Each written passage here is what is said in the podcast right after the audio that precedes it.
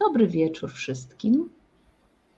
Witamy bardzo serdecznie. Mamy nadzieję, że nas już dobrze słychać. Jesteście tutaj z nami, widzimy Wasze przywitania. Witajcie serdecznie.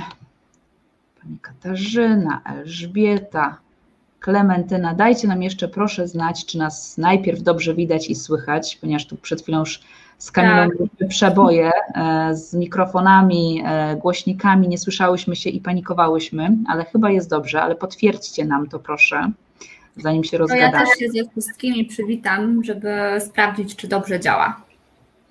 Tak, o, pani Justyna pisze, że wszystko ok.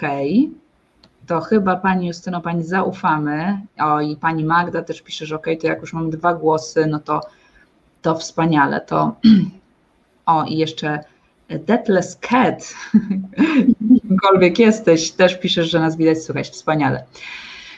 Dobrze, kochani, jest już, jest już Was 100, a zapisało się 1500, a zainteresowanych ponad 5000, także wciąż jesteśmy pod wrażeniem tej liczebności i zainteresowania tematem traumy, który kontynuujemy już w naszym drugim odcinku z, z Kamilą. Pierwszy można zobaczyć na YouTubie, wiele osób Was nawet dzisiaj o to pytało, więc jest dla Was dostępny za darmo, na zawsze, żebyście mogli korzystać, edukować się. I ten dzisiejszy również będzie taki. Dobrze, kochani, e, żeby nie tracić czasu, zaczynamy nasz e, drugi live. E, trauma dzieciństwie osób DDA, DDD, dorosłych dzieci alkoholików, dorosłych dzieci z rodzin dysfunkcyjnych.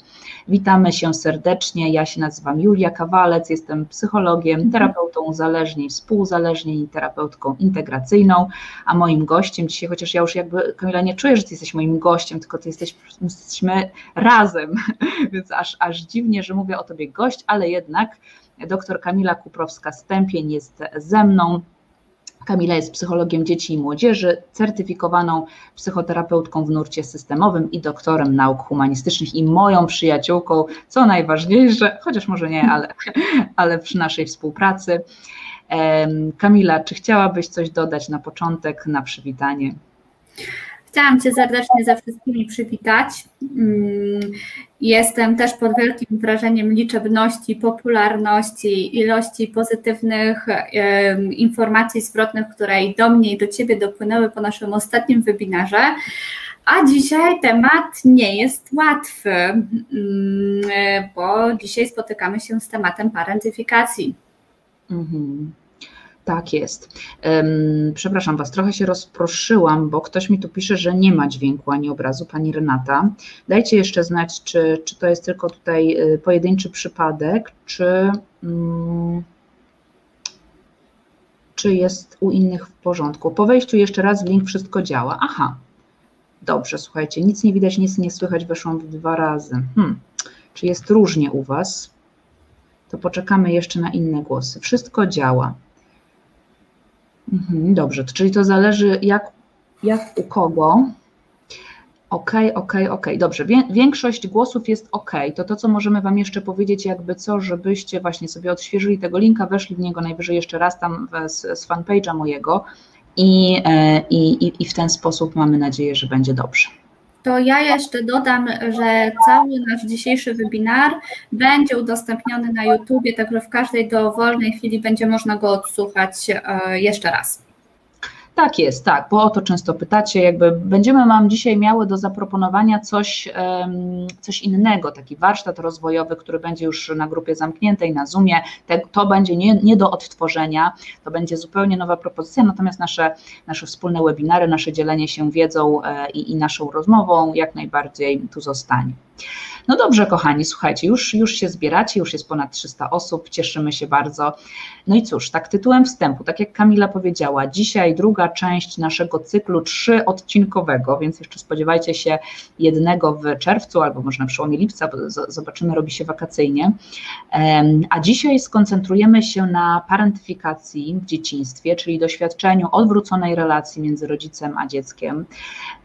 No i jest to bardzo popularne doświadczenie u osób z rodzin dysfunkcyjnych, niestety, ale nie tylko dysfunkcyjne, bo także takich, w których nastąpiła jakaś tragedia, jakieś losowe wydarzenie, które zdestabilizowało, zmieniło strukturę tej rodziny i pojawiła się właśnie takie zapotrzebowanie, jak to ja mówię w moim uzależnieniowym świadku, na rolę dziecka czy maskę, tak? Jakby właściwie będziemy mówić o tym samym, chociaż trochę innym językiem, tak jak może już wiecie, jeśli nas obserwujecie, jakby ja się, ja się zajmuję przede wszystkim dorosłymi, Kamila dziećmi i młodzieżą, ale też całym systemem i, i dorosłymi od strony rodzicielskiej, no a na, ale łączy nas tak jak sobie to definiujemy, takie mm, wewnętrzne dziecko, czyli jakby do, do, doświadczenia emocjonalne, tak? U, u, dorosłych to wewnętrzne dziecko, z perspektywy dziecka no jeszcze, jeszcze nie ma wewnętrznego dziecka, bo po prostu ono jest, ale gdzieś to jest taki nasz, nasz, nasz punkt wspólny.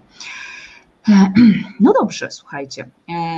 Czy, czy, czy, ja o czymś powinnam jeszcze Kamila powiedzieć, zanim przejdziemy do naszych pytań? Chyba nie. Ja może podkreślę tak różnicę w naszej działalności, dlatego że, tak jak powiedziałaś, Ty Julia, pracujesz z osobami dorosłymi, które e, borykają się z przeszłością, e, czy to z dorosłymi dziećmi alkoholików, czy dorosłymi dziećmi z rodzin dysfunkcyjnych. Natomiast ja w swojej pracy gabinetowej spotykam się przede wszystkim z dziećmi, w tym również z dziećmi, które podlegają parentyfikacji, takiej parentyfikacji wielopokoleniowej. O tym też będę dzisiaj więcej mówiła. Czyli e, dzieci są parentyfikowane przez parentyfikowanych rodziców, tak? Czyli to już jest drugie, drugie pokolenie dzieci. E, parentyfikowanych, tak, czyli będących w tym zjawisku odwrócenia ról. Także zjawisko psychologiczne nie jest czymś nowym, co warto podkreślić. E, jest niestety w naszym kraju bardzo powszechnym zjawiskiem i o tym, dlaczego to jest w naszym kraju takie powszechne, też będziemy dzisiaj mówić. Tak. Dobra, słuchajcie, tak, jeszcze z organizacyjnych rzeczy, może tylko powiem o kształcie naszego spotkania. Planujemy być z Wami półtorej godziny mniej więcej, pewnie koło godziny będziemy rozmawiać, Kamila będzie odpowiadała na pytania, natomiast no właśnie, jeżeli będziecie mieli w trakcie jakieś, no właśnie, Pani Karolina pyta, ile czasu będzie trwał webinar, więc właśnie około półtorej godziny. I piszcie do nas swoje pytania, jeżeli będą jakieś w trakcie, najlepiej już pod sam koniec, bo ja wtedy najłatwiej je wyłapię. Ja tutaj jestem od, od pytań, od e, ich przeklikiwania, więc będę, będę to śledzić na bieżąco. Dobrze, no to słuchajcie, to zaczynamy w takim razie już, już naszą merytoryczną część. Kamila, powiedz tak e, definicyjnie, żebyśmy wiedzieli w ogóle o czym my rozmawiamy. Co to jest parentyfikacja i jakie są jej rodzaje? Parentyfikacja, tak jak e, powiedziałam dosłownie przed chwilą, e, w sposób inny jest nazywana odwróceniem ról e, między rodzicem a dzieckiem. Tak? Czyli mamy do czynienia z taką sytuacją, kiedy z różnych powodów. Ja tutaj, jak przygotowywałam się do tego webinara, to te powody podzieliłam na takie trzy kategorie. E, I pierwsza kategoria jest wtedy, kiedy rodzic e, dziecka ma stwierdzone e, lub niestwierdzone, ale w sposób jego zachowania jednak świadczy, że występują jakiegoś rodzaju zaburzenia natury psychicznej. To może być depresja, to mogą być jakieś zaburzenia lękowe. To może być zaburzenia osobowości typu borderline lub choroba afektywna dwubiegunowa. Drugą kategorią, e, gdzie dochodzi do odwrócenia ról, jest kategoria uzależnień, tak? czyli tam, gdzie przynajmniej jeden z rodziców uzależniony jest od substancji psychoaktywnych, od alkoholu, ale nie tylko. To mogą być też uzależnienia stricte behawioralne, na przykład pracoholizm. Mhm. I trzecią taką kategorią to jest e, kategoria, gdzie dochodzi w rodzinie do rozwodu, E, czyli jest bardzo duży kryzys e, i konflikt między rodzicami i ze względu na to, że rodzice są tak zaangażowani w ten konflikt swój własny, nie mhm. mają odpowiednich predyspozycji do tego, żeby emocjonalnie zaopiekować się swoim dzieckiem Lub może być też taka sytuacja, że po prostu rodzice doznali w swoim dzieciństwie pewnego rodzaju zaniedbania emocjonalnego i ich wewnętrzne, wewnętrzny świat, wewnętrzne funkcjonowanie nie jest na tyle przystosowane, żeby pełnić wystarczająco dobrą rolę rodzicielską tak? E. To są bardzo indywidualne kwestie do indywidualnej diagnostyki czy przyjrzeniu się. E, natomiast to nie, parentyfikacja nie zawsze dotyczy e, rodzin takich typowo dysfunkcyjnych, których dochodzi do przemocy, czy dochodzi do nadużywania alkoholu, tak? Natomiast w chwili obecnej, moim zdaniem, na, na podstawie obserwacji i doświadczenia w gabinecie, Najwięcej parentyfikacji dochodzi w rodzinach porozwodowych, porozstaniowych. Mhm. I na czym polega ta parentyfikacja, bo też o to pytałaś, że wyróżniamy dwa rodzaje parentyfikacji. Parentyfikację instrumentalną i parentyfikację emocjonalną. E, więcej uwagi na pewno będę dzisiaj przywiązywać do parentyfikacji emocjonalnej, bo ona jednak robi więcej szkód niż pożytku. Natomiast parentyfikacja instrumentalna, czyli odwrócenie ról, czyli taka sytuacja, w której dziecko przyjmuje odpowiedzialność za rodzica, czyli za szybko zakłada buty osoby dorosłej. Tak? E, I dzieje się to dwubiegunowo. E, w, jednej, w jednym rodzaju parentyfikacji mówimy o parentyfikacji instrumentalnej, czyli o takim rodzaju przejmowania odpowiedzialności e, za rodzinę, bo najczęściej to się odbywa, że jedno wydelegowane dziecko bierze odpowiedzialność za funkcjonowanie i dobrostan całej rodziny, dosłownie jest odpowiedzialny za dobrostan materialny, czyli to są dzieci, które na przykład fizycznie opiekują się młodszym rodzeństwem, fizycznie opiekują się chorym członkiem rodziny, na przykład matką albo ojcem. Są to dzieci zmuszone do pracy zarobkowej. Takie dzieci, które no, jeżeli mieszkamy w dużym mieście, spotykamy się z dziećmi, które żebrzą na ulicach. Tak, to jest właśnie rodzaj parentyfikacji instrumentalnej, e, mhm. które są nadmiernie zaangażowane w takie obowiązki e, domowe. I tutaj pragnę podkreślić, że z tą e, parentyfikacją instrumentalną, że ona w literaturze przedmiotu nie ma tylko i wyłącznie negatywnych skutków. I tutaj warto zwrócić uwagę, że to, czy ten rodzaj parentyfikacji będzie miał dla małego dziecka, potem osoby dorosłej, skutki pozytywne czy negatywne, to musimy tutaj wziąć pod uwagę czas. Mhm. Czas kształtuje nam wewnętrzne e, przekonanie danego dziecka. I tu możemy mieć do czynienia z dwoma kształtującymi się ważnymi przekonaniami e, we wnętrzu dziecka. Pierwsze przekonanie, e, jeśli to jest opieka od czasu do czasu, czyli ja mam młodszą, e, młodszą siostrę, młodszego brata i od czasu do czasu mama prosi mnie, żeby się zaopiekować e, rodzeństwem. Jeżeli to jest od czasu do czasu, to w dziecku kształtuje się pozytywny wzorzec, pozytywne przekonanie, od czasu do czasu mogę komuś pomóc. Tak? Mhm. Natomiast jeżeli mamy do czynienia ze zmienną czasu i ten czas jest długoterminowy, to kształtuje się innego rodzaju przekonanie i jest to przekonanie, e, zawsze muszę komuś pomagać. Czyli po pierwsze, mamy tutaj do czynienia e, z określeniem zawsze, po drugie, mamy tutaj do czynienia z czasownikiem muszę, a nie chcę, czyli to nie jest dobrowolne z woli dziecka, tak? Bardzo często na poziomie dziecięcym to jest nieświadome, tak? E, czyli tak jak ja w gabinecie dzieciom mm, nazywam, czy ty tego chcesz, czy to jest tak, że jednak ktoś od, od ciebie tego oczekuje. Także to dla dzieci nie jest jasne. To jest dla nas, osób dorosłych, jasne, jasna różnica chcę, a muszę, natomiast dla, dla dzieci niekoniecznie. E, więc tutaj od e, czasu, w jakim dokonuje się ta parentyfikacja, od tego zależy, czy to przekonania pozytywne czy negatywne będą kształtowały się we wnętrzu dziecka, młodej osoby. Tak? Natomiast z parentyfikacją emocjonalną jest dużo bardziej kwestia. Mhm. Ci przerwę, bo akurat Pani Karolina do nas pisze właśnie taki komentarz, który pasuje do tego, co mówisz że jaka jest różnica między samodzielnością dziecka a parentyfikacją. Nie zmuszam córki do wielu rzeczy, a jednak sama je robi. Przygotowanie sobie posiłku zała z młodszą córką, prawda? To, to jest to, co powiedziałaś, że jeżeli dziecko chce, garnie się do tego, a jeszcze jest to od czasu do czasu, a jeszcze jak na przykład rodzic y, nazywa rzeczy po imieniu, że na przykład, no nie wiem, to, to jest coś ekstra albo doceni jakoś, prawda, a nie uważa to za normę, no to nie mówimy o parentyfikacji, prawda?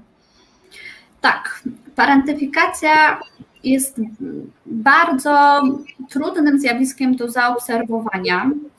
E, w terapii też potrzeba czasu, żeby stwierdzić, czy dochodzi do parentyfikacji, szczególnie tej instrumentalnej. Tak? Mhm.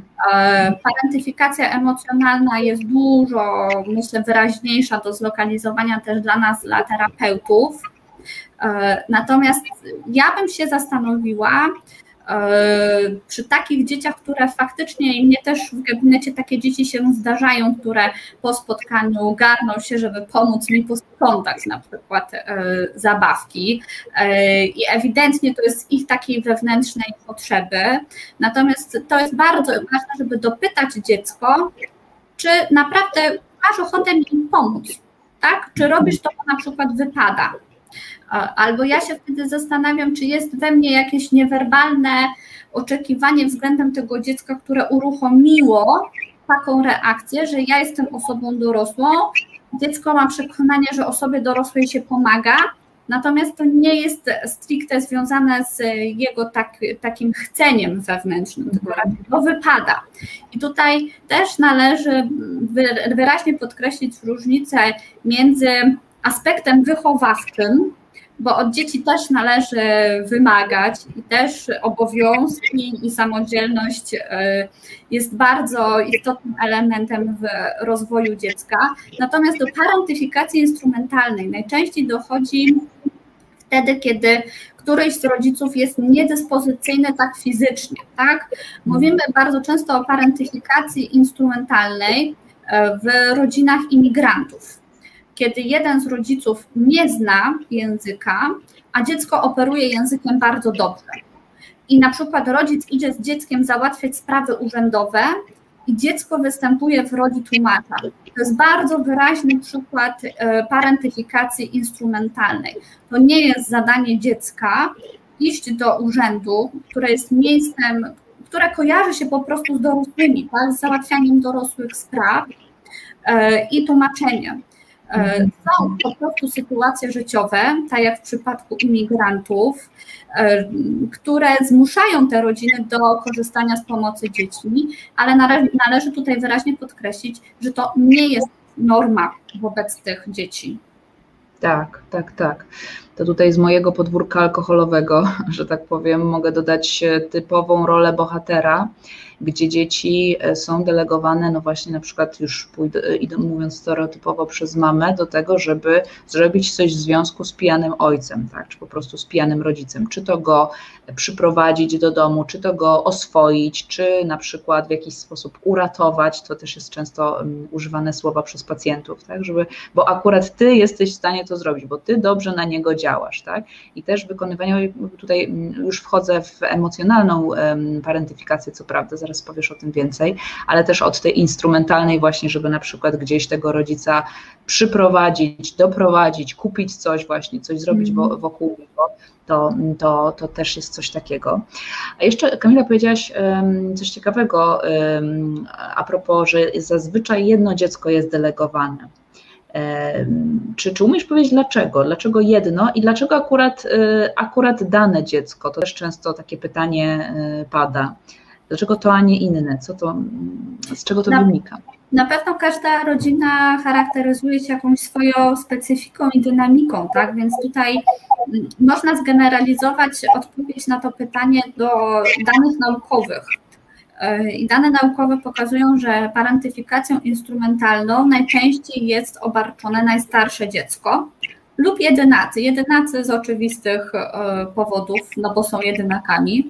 Natomiast w rodzinach, gdzie występuje większa ilość e, dzieci, to najczęściej bardziej sparentyfikowane są i pod względem instrumentalnym, i pod względem emocjonalnym e, dzieci najstarsze, dlatego że dzieci najstarsze w ogóle otrzymują bardzo dużo takich komunikatów dotyczących bądź dzielnym dzieckiem, tak? Mhm. Albo podziel się z młodszym e, rodzeństwem. E, I to już są takie komunikaty, które nie są e, bezpośrednią parentyfikacją, ale są jakimiś komunikatami narzucającymi wolę. Tak? Mhm. Takimi komunikatami, które czegoś od dziecka już oczekują. Mhm. I dziecko, ponieważ jest wpatrzone w autorytet rodzica i nie ma w tym absolutnie nic złego, tak? E, ale dzieci mają na tyle wdrukowany tak zwany system przywiązania, o czym rozmawiałyśmy na poprzednim e, webinarze, że zrobią bardzo wiele, bardzo wiele też przekroczeń wobec swojego kształtującego się własnego ja, żeby zyskać aprobatę rodzica. Mhm. Czasami rodzice tego nadużywają. Albo w ogóle tego nie widzą, prawda? Po prostu tak, to jest, tak, to jest tak. niewidzialne. No właśnie, czyli to są naj, naj, często najstarsze dzieci, jedynacy, też e, Alice Miller pisze o tym, że to są te dzieci wrażliwsze, bardziej empatyczne, tak, no bo przecież nie jesteśmy tacy sami um, oryginalnie, że tak powiem, tak jak mówiłaś ostatnio o mleczach i o orchideach, że tak. są um, dzieciaki i ludzie po prostu, tak, dorośli również bardziej wrażliwi, czy wysoko wrażliwi, to też często może paść właśnie, właśnie na, na tą osobę. I rozumiem, że to na ogół budzi takie poczucie niesprawiedliwości, jakiejś złości, że akurat e, jak się było daną, danym um, członkiem rodziny akurat padło na nas, tak, ale no, ale przejdziemy później w kolejnych pytaniach do nadziei, tak, że, że, że to nie mhm. jest jakby jakaś, jakiś nieodwracalny zupełnie ciężar. No ale dobrze, po kolei. Kamila, w ogóle jak mówisz, to ja sobie y, piszę jakieś słowa klucze, bo mi się po prostu uruchamiają ko- kolejne rzeczy, ale że, że, dla porządku. Powiedz dalej o, o tej emocjonalnej teraz parentyfikacji, bo tak jak mówisz, to jest mniej oczywiste, bo zrobić zakupy dla rodzica i robić to codziennie, no to widzimy, nauczyciel, policjant, nie wiem, ktoś ze społeczności lokalnej często zauważy, że no coś tu jest nie w porządku, że nie wiem, mały dzieciak pracuje czy, czy robi tak. takie rzeczy, ale emocjonalnie, to jak to zauważyć? Jakby w ogóle co to jest, powiedz? To zanim jeszcze przejdę do parentyfikacji emocjonalnej, to tak po, poczułam w sobie doprecyzowanie jeszcze tej parentyfikacji instrumentalnej, bo ona może budzić wątpliwość e, w rodzicach na zasadzie, no to jeśli ja się ciężko rozchoruję na grypę, no to nie mogę wysłać tego mojego dziecka do sklepu, e, no bo to będzie parentyfikacja instrumentalna, tak? Nie, to nie działa w taki sposób. Badania naukowe pokazują, że Mówimy także o parentyfikacji adaptacyjnej, taka, która po prostu wspomaga rozwój dziecka. I tutaj pragnę bardzo wyraźnie podkreślić, że ważny, ważny jest czynnik czasu.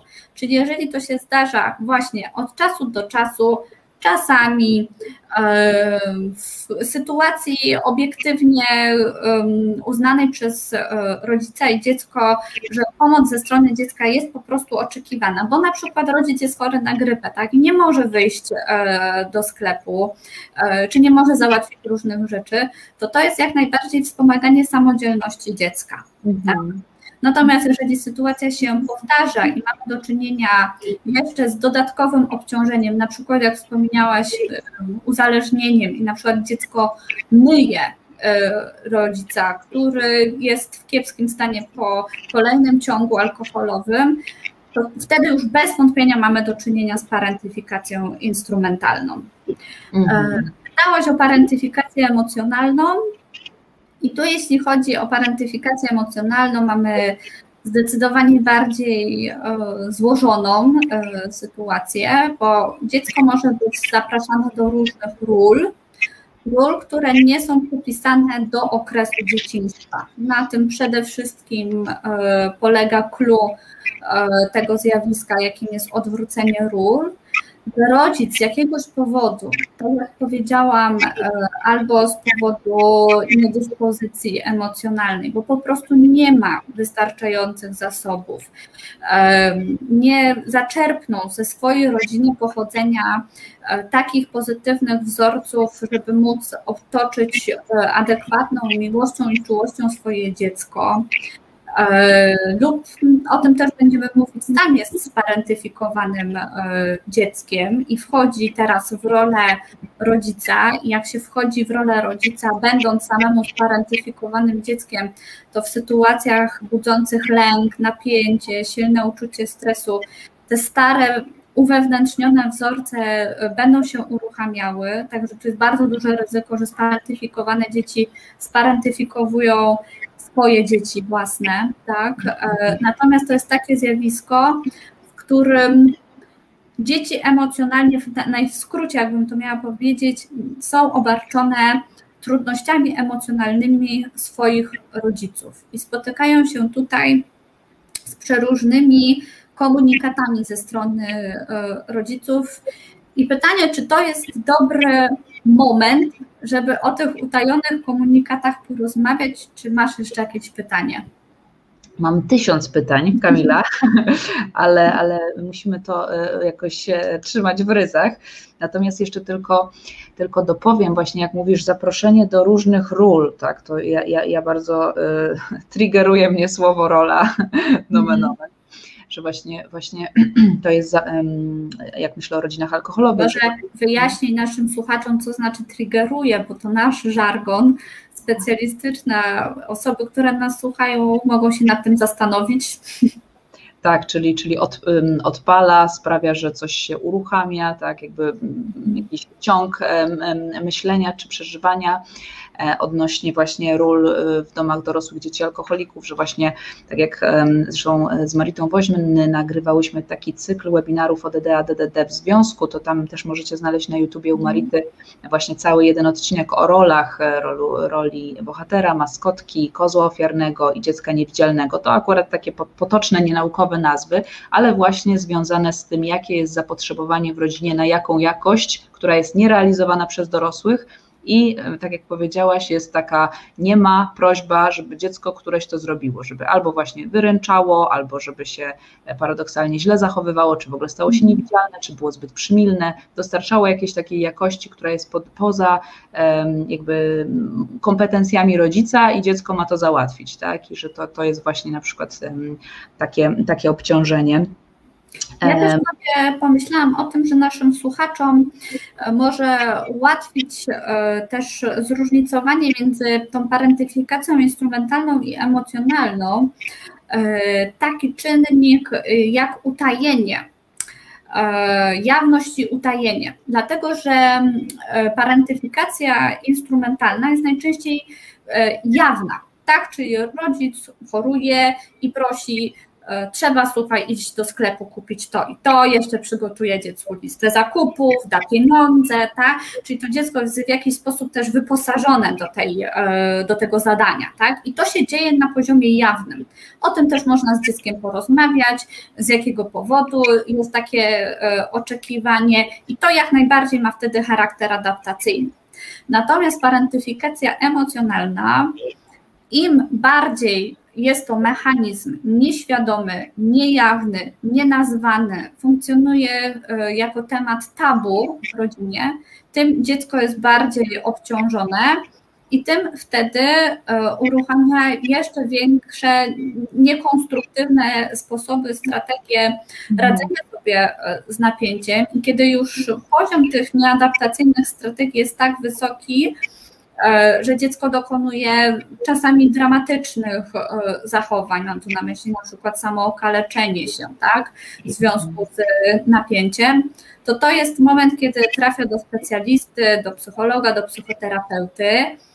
I z czasem, kiedy ja jako terapeuta, czy moi, moje koleżanki, koledzy po fachu prowadzimy proces, e, czy to diagnostyczny, czy terapeutyczny, dochodzimy do wniosku, że trzeba objąć terapią nie tylko to dziecko, które już tak dramatycznie reguluje sobie napięcie emocjonalne, ale też trzeba objąć terapią rodzica, e, który sam doświadczył parentyfikacji w dzieciństwie i parentyfikuje obecnie. Natomiast tak jak ja to też postrzegam w terapii rodzin, którą mam przyjemność e, prowadzić, parentyfikacja emocjonalna jest to najczęściej proces nieświadomy, niejawny.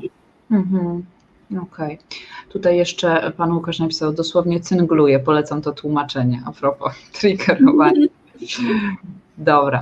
Kamila, dobra, idźmy dalej. Powiedz, w jaki sposób, no właśnie, to chyba, chyba będziesz mówiła teraz o tych właśnie przekazach, bo w jaki sposób te psychologiczne problemy rodziców mogą wpływać na kształtowanie się tej relacji z dzieckiem? Troszkę powiedziałaś już, ale mhm. może więcej. E, są różne komunikaty. Wymienię chyba te, z którymi najczęściej ja spotykam się w pracy e, gabinetowej, niezależnie czy z dziećmi, e, czy pod wpływem prowadzonych oddziaływań terapeutycznych wspólnie z rodziną podejmujemy decyzję, że w gabinecie zostaje na przykład rodzic, tak, a, a nie dziecko to te przekazy parentyfikują, tych przekazów parentyfikujących jest kilka. E, jednym z nich e, to jest komunikat to przez Ciebie. E, to przez Ciebie jest komunikatem generowanym przez rodzica do dziecka. I jeśli rodzic sam ma duże trudności w zakresie samoregulacji, łatwo, szybko, impulsywnie ulega silnym emocjom, ma różne e, nieadaptacyjne przekonania na temat siebie, na temat świata. I ca, cały ten świat wewnętrzny tego rodzica powoduje, że jemu rośnie frustracja, jemu rośnie poziom napięcia, i w końcu to napięcie trzeba gdzieś sobie e, zwentylować. E, I najłatwiej jest zwentylować w tym momencie na osobie według rodzica słabszej, E, jest tą osobą dziecko i wtedy, czy to bezpośrednio, bo zdarza się też tak, że rodzice kierują ten komunikat w sposób bezpośredni do, do dziecka, to przez ciebie jestem dzisiaj e, tak zdenerwowany, tak? A sytuację, do jakiej doszło, to jest na przykład to, że dziecko rozlało wodę co w przypadku na przykład dziecka w wieku przedszkolnego, gdzie koordynacja wzrokowo-ruchowa jeszcze nie jest tak rozwinięta, jest sytuacją dosyć często.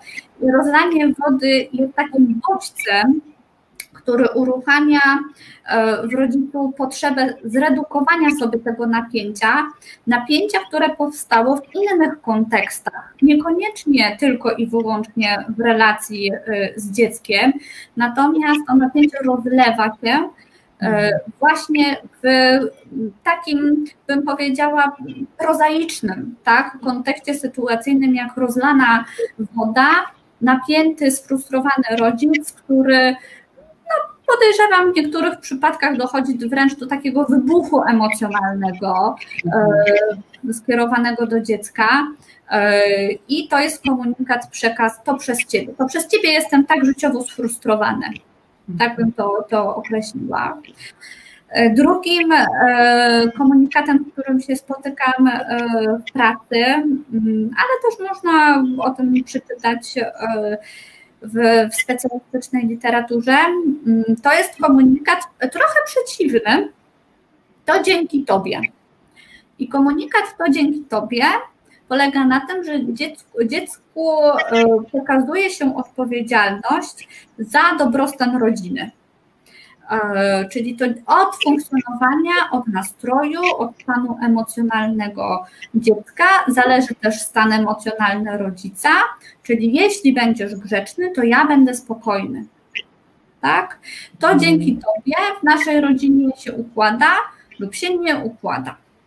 E, jest to komunikat równie mocny jak to przez ciebie, to przez ciebie bardziej odwołuje się do poczucia winy y, u dziecka, natomiast to dzięki tobie jest już komunikatem pod względem, myślę, psychologicznym bardziej zawaluowanym, tak? Y, bo to nie jest wywołanie wprost poczucia y, winy, ale w sposób pośredni, jeśli u dziecka dojdzie do e, zachowania, które jest nieakceptowalne e, w rodzinie, to bardzo szybko pojawi się to poczucie winy, no bo to przeze mnie, e, no na przykład atmosfera przy obiedzie była taka ciężka. Tak? Kolejnym przekazem, też bardzo takim złożonym i nie wprost kierowanym do, do dzieci ze strony rodzica, to jest komunikat nie przerażaj mnie. I to jest taki komunikat, gdzie e, rodzic faktycznie dysponuje bardzo ograniczonymi zasobami emocjonalnymi. E, w naszym e, takim żargonie specjalistycznym nazwalibyśmy, że to jest osoba, która ma niską zdolność do kontenerowania emocji drugiej osoby. Co to znaczy zdolność do kontenerowania? Czyli zdolność do przyjmowania tego, że my ludzie potrafimy się zezłościć, zasmucić, rozpłakać. Czyli takie osoby bardzo um, kiepsko regulują sobie swój nastrój i swoje emocje, będąc w relacji z osobą, która przeżywa silne emocje. U dzieci, z racji ich budowy mózgu, do tych silnych emocji dochodzi bardzo często E, I w momencie, kiedy mamy do czynienia z taką osobą, która ma niską tolerancję na silne emocje, może iść przekaz, znowu podkreślę, nieświadomy, niejawny, nie przerażaj mnie. Czyli mhm. jeżeli dziecko wyraża swoją emocjonalność w sposób bardzo ekspresyjny, to rodzic, nawet e, bym powiedziała z mowy ciała, może mieć taki komunikat do dziecka, Twoje emocje mnie przerażają, z Twoimi emocjami sobie nie radzę. I wtedy te dzieci są zaproszone do e, tego, że one e, w cudzysłowie to nazwę, tak, muszą być dzielne, muszą sobie same ze swoimi emocjami e, poradzić. I też tutaj jak najbardziej mamy do czynienia z parentyfikacją emocjonalną, bo te dzielne dzieci później najczęściej przyjmują e, rolę terapeuty rodzica, czyli jeżeli one dosyć szybko nauczą się, e, mam tu głęboki sprzeciw, żeby powiedzieć samoregulować, e, bo samoregulować jest czasownikiem takim adaptacyjnym, rozwojowym, tak, z pozytywną konotacją, a te dzieci niekoniecznie uczą się samoregulować swoje emocje, tylko uczą się po pierwsze ich nie wyrażać, E, i tłumić. Mhm. E, a to już adaptacyjne nie jest, tak? I, i rozwojowe. E, I te stłumione, niewyrażone emocje kiedyś gdzieś muszą znaleźć ujście, tak? I to też jest to ryzyko. I kolejnymi, myślę, dwoma bardzo związanymi ze sobą przekazami, z jakimi spotykają się, myślę, częściej dzieci, w których dochodzi do rozstania rodziców, to jest bądź moją miłością i bądź moim oparciem. To są tego typu przekazy, czyli rodzic y, w związku z niepowodzeniem w swoim życiu romantycznym jest też bardzo zaabsorbowany swoim y, życiem emocjonalnym, swoimi trudnościami, swoimi problemami, które też mogą się nakładać, e, na nie mogą się nakładać problemy finansowe. I wtedy jest wobec dziecka e, kierowany przekaz, e, no to ty teraz będziesz moją miłością. W skrajnych przypadkach ten przekaz ma też podtekst seksualny tak, i rodzic, to niekoniecznie musi, muszą być czyny o charakterze pedofilskim, natomiast może dojść do takiego rodzaju czułości, gdzie dziecko czuje pewnego rodzaju skrępowanie i zmieszanie, tak, więc tutaj mamy do czynienia z tego rodzaju zjawiskiem, natomiast bądź moim oparciem to są też dzieci, e, które są e, w roli powierników e, swoich rodziców. I to są dzieci, które u mnie w gabinecie wiedzą bardzo dużo o przebiegu rozwodu, o tym, kiedy są rozprawy rozwodowe, o tym, o co się kłócą rodzice. Mają bardzo dużą, wręcz bym powiedziała, szczegółową wiedzę na temat życia swoich rodziców, ale takiego życia, które jednak powinno być w sferze osoby dorosłej. I oczywiście można w pewne mm, kwestie dziecko poinformować, natomiast tu jest granica między poinformowaniem a tajemniczeniem. Także jednak wtajemniczenie w pewne niuanse, trudności emocjonalne w związku z rozwodem, no trudno powiedzieć, że to jest korzystne dla dziecka. Mhm. Mhm. Tak. Koniec komunikatów. Tak, chyba postawię okay. tutaj kropkę. Okej, okay, to jak Ciebie słucham, to, mm, to myślę sobie, że dużo bardziej takie wikłające i no nie wiem, czy mogę powiedzieć niebezpieczne, ale no na pewno właśnie wikłające i że trudniej może być się odwikłać, są te takie pozytywne, prawda? Bądź miłością mojego życia, czy właśnie to dzięki Tobie. Tak, że właśnie tak jak powiedziałaś, zawolowane, pomieszane z, z, z miłością, źle rozumianą, tak, i taką, takie E, że mm, no zwłaszcza jak na przykład nie było innego rodzica, który byłby e, gotowy do tego kontenerowania, właśnie do przyjmowania, do jakiegoś naprostowania w ogóle tego świata dziecku, czy, czy pokazania jakiejś innej jakości relacji, to no, bardzo trudno w ogóle uznać, że, że coś było w tym nie tak. Tak, bo jakby też jest bardzo dużo przecież i tych głasków, i tej gratyfikacji wobec takiego dziecka, które jest tym dzieckiem dzielnym właśnie, czy, czy, czy taki, któremu tyle się zawdzięcza w rodzinie, że można bardzo się zamieszać w tym, prawda? Tak. Zaraz przejdziemy do dorosłości, w której tak. jakby powiemy, co, co, co to robi później tym już dorosłym dzieciom.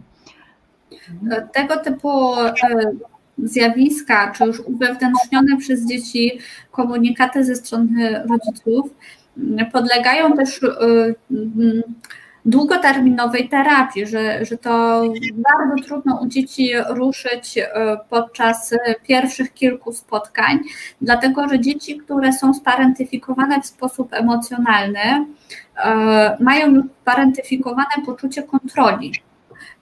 Że tym dzieciom bardzo trudno w ogóle w gabinecie wejść w zależność z osobą dorosłą tak? Mhm. Zależność, podporządkowanie, to, że osoba dorosła podejmie jakąś decyzję, e, budzi w nich e, lęk, e, budzi w nich bardzo silne poczucie dyskomfortu. I to czasami wymaga, no powiedziałabym, kilku lat wypracowanie z dzieckiem dziecka, tak bym to określiła, tak? czyli przywrócenie dziecku jego własnego dzieciństwa. Mhm. No właśnie, nie? Dobrze, to dobrze, jak to dziecko trafi do ciebie, bo jakby to przecież to nie jest wcale takie oczywiste ani, ani E, częste, powiedzmy, zwłaszcza jak mówisz, że przecież ten proces jest często nieświadomy, no ale jak już się pojawi ten dorosły w gabinecie, prawda, i odkryje te swoje przekazy, no to wtedy, prawda, rozpoczynamy no, pracę z wewnętrznym dzieckiem, no bo już się dzieckiem właśnie nie jest, ale to wewnętrzne dziecko stłumione, stłamszone i, i, i, i, i skrzywdzone ogólnie rzecz biorąc, no jakby jest, czeka, czeka na, na poruszenie, tak, na jakieś odreagowanie, co, co z kolei E, no, e, na przykład tym, tym już później ja, ja się zajmuję. No i przejdźmy, Kamila, płynnie do pytania o właśnie o przyszłość takich dzieci, mhm. takich osób sparentyfikowanych. Jakie są mm, najogólniej rzecz ujmując, bo pewnie też można było o tym dużo, konsekwencje w dorosłym życiu, jakie niesie to za, za sobą to doświadczenie parentyfikacji, i tej instrumentalnej i emocjonalnej. Tak, może zacznę od tego, żeby dać nadzieję mm, naszym słuchaczom. Myślę, że wielu naszych słuchaczy to rodziców,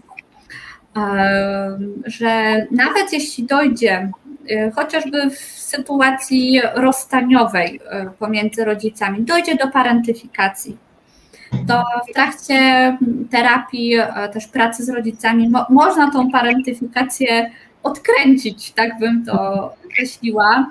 E, I tutaj podam przykład e, jednej z moich e, małych pacjentek, która trafiła do gabinetu całkowicie zanurzona w świat swoich rodziców, którzy się rozwodzili. Do tego stopnia była zanurzona, że miała 8 lat i nie była zainteresowana żadnymi zabawkami, które mam w gabinecie, tak? E, przyszła do mnie z misją opowiedzenia mi, jaki wielki dramat przeżywają jej rodzice. E, I po roku udało nam się nie tylko bawić e, zabawkami tak, w gabinecie, ale stworzyła swoją własną grę, różne dziecięce, magiczne sposoby na to, żeby też pogodzić się z tą sytuacją, że jej aktualne życie ulegnie zmianie i że będzie miała dwa domy Także tutaj chciałabym dać naszym słuchaczom e, nadzieję, że to nie jest proces nieodwracalny. I podobnie jest e, u osób dorosłych. Mhm. Oczywiście pewnie powiesz na ten temat więcej, bo pracujesz z osobami dorosłymi na co dzień, że te wzorce no, przez już wiele lat zdążyły się mocno utrwalić. Dzieci są bardziej plastyczne, bardziej elastyczne. Dlatego też e, w przypadku dzieci terapia idzie szybciej niż w przypadku e, osób dorosłych. Oczywiście nie zawsze, nie, nie chcę tutaj generalizować, ale faktycznie myślę, że, że dzieci są istotnie bardziej elastyczniejsze i plastyczniejsze. E, mhm. Także pod względem takim e, poznawczym, mentalnym, intelektualnym. Mhm. Natomiast pierwsze konsekwencje w życiu dorosłym, nie wiem, czy, czy się ze mną, Julia, zgodzisz, parentyfikacji e, ujawniają się, kiedy dorosły człowiek wchodzi w pierwszy poważny związek romantyczny. Mhm. Co o tym myślisz? To na pewno, to jak w banku, no bo mamy tutaj tak e, style przywiązania, które nam, e, które nam mogą podpowiedzieć, matryca może się pojawić taka, tak jak e, po staremu zareagować lękowo, unikająco i tak dalej, czy w sposób zdezorganizowany, tak jak mówiłaś ostatnio. Ale wiesz, wyobrażam sobie też, że, że niekoniecznie tylko tu, może być też na przykład w relacjach zawodowych, w relacji z mhm. szefem, gdzie ta relacja jest jakby zależnościowa, właśnie może bardzo tak. skojarzyć się z, no pierwszy szef na przykład, czy pierwszy ktoś, wobec kogo podlegamy, czy pierwsza właśnie praca zawodowa, jaka, gdzieś, gdzie się zaczyna jakieś, jakaś przestrzeń odpowiedzialności właśnie, to też można się wtedy no, no pokazać jako właśnie takie no, sparentyfikowane dorosły, e, dorosłe dziecko, które no, będzie stawać na przykład na głowie, znaczy no, na różne sposoby, tak, tutaj można by było wejść w schematy. Tak, ja bym tutaj po, powiedziała, że na pewno jedną z podstawowych konsekwencji w życiu dorosłym jest nadodpowiedzialność. Mhm. E, nadodpowiedzialność, wysokie, bardzo nieadekwatne, wręcz niemożliwe do spełnienia standardy wobec siebie, ponieważ u sparentyfikowanych e, dzieci trochę inaczej przechodzi okres wychodzenia z tak zwanego etapu omnipotencji E, ale to, to jest myślę bardzo złożony temat, w który bym e, nie chciała wchodzić, ponieważ to można spokojnie na ten temat trzy webinary e, zrobić. Natomiast dorosłe osoby przede wszystkim nadodpowiedzialność, bardzo wysokie, niemożliwe do spełnienia standardy wobec siebie.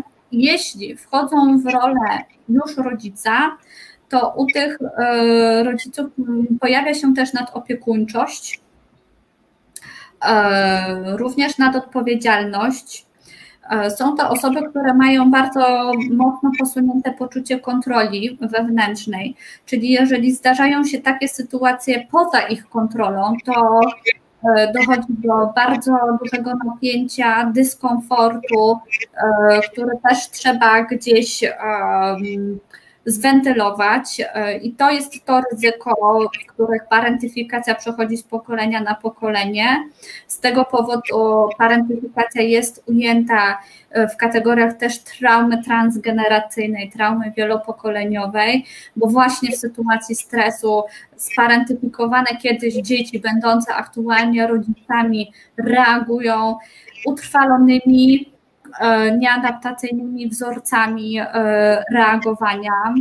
E, to, co też jest, myślę, mm, mniej popularną konsekwencją bycia sparentyfikowanym dzieckiem w przyszłości, to jest ograniczony kontakt samemu ze sobą, Czyli to są osoby dorosłe, które mają kiepskie rozeznanie w co chcą, czego potrzebują, czego pragną.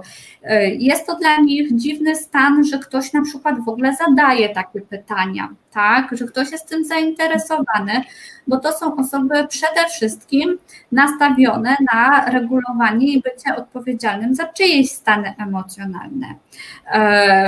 E, w sytuacji, kiedy mamy do czynienia ze słabszym poczuciem e, bycia w kontakcie z samym sobą, e, to też mm, stres mm, regulujemy sobie poprzez somatyzację. E, somatyzacja to jest taki mechanizm, gdzie dochodzi do choroby czy cierpienia fizycznego, na przykład migreny. Y, są chorobami uznanymi za somatyczne, albo wrzody, tak? albo w ogóle mogą te osoby odczuwać bóle w ciele o nieokreślonej przyczynie, tak?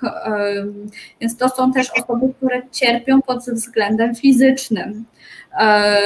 Kompletnie nie ma połączenia w umyśle tych osób, że ich cierpienie fizyczne jest tak na dobrą sprawę związane z tym, że e, ulegli zjawisku parentyfikacji w dzieciństwie, ponieważ u osób dorosłych, jeżeli ten proces był nieświadomy, utajniony, to wręcz w terapii może budzić e, opór nazwanie, że tak, jesteś dorosłą osobą, która była sparentyfikowana w dzieciństwie, tak?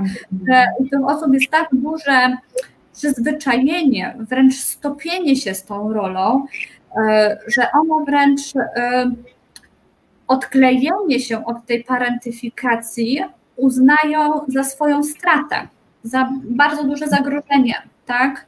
Więc to jest. Samości, nie? Takiej. Dużego kawałka, na czymś w ogóle było oparte całe to dzieciństwo. E, więc e, dorosłego.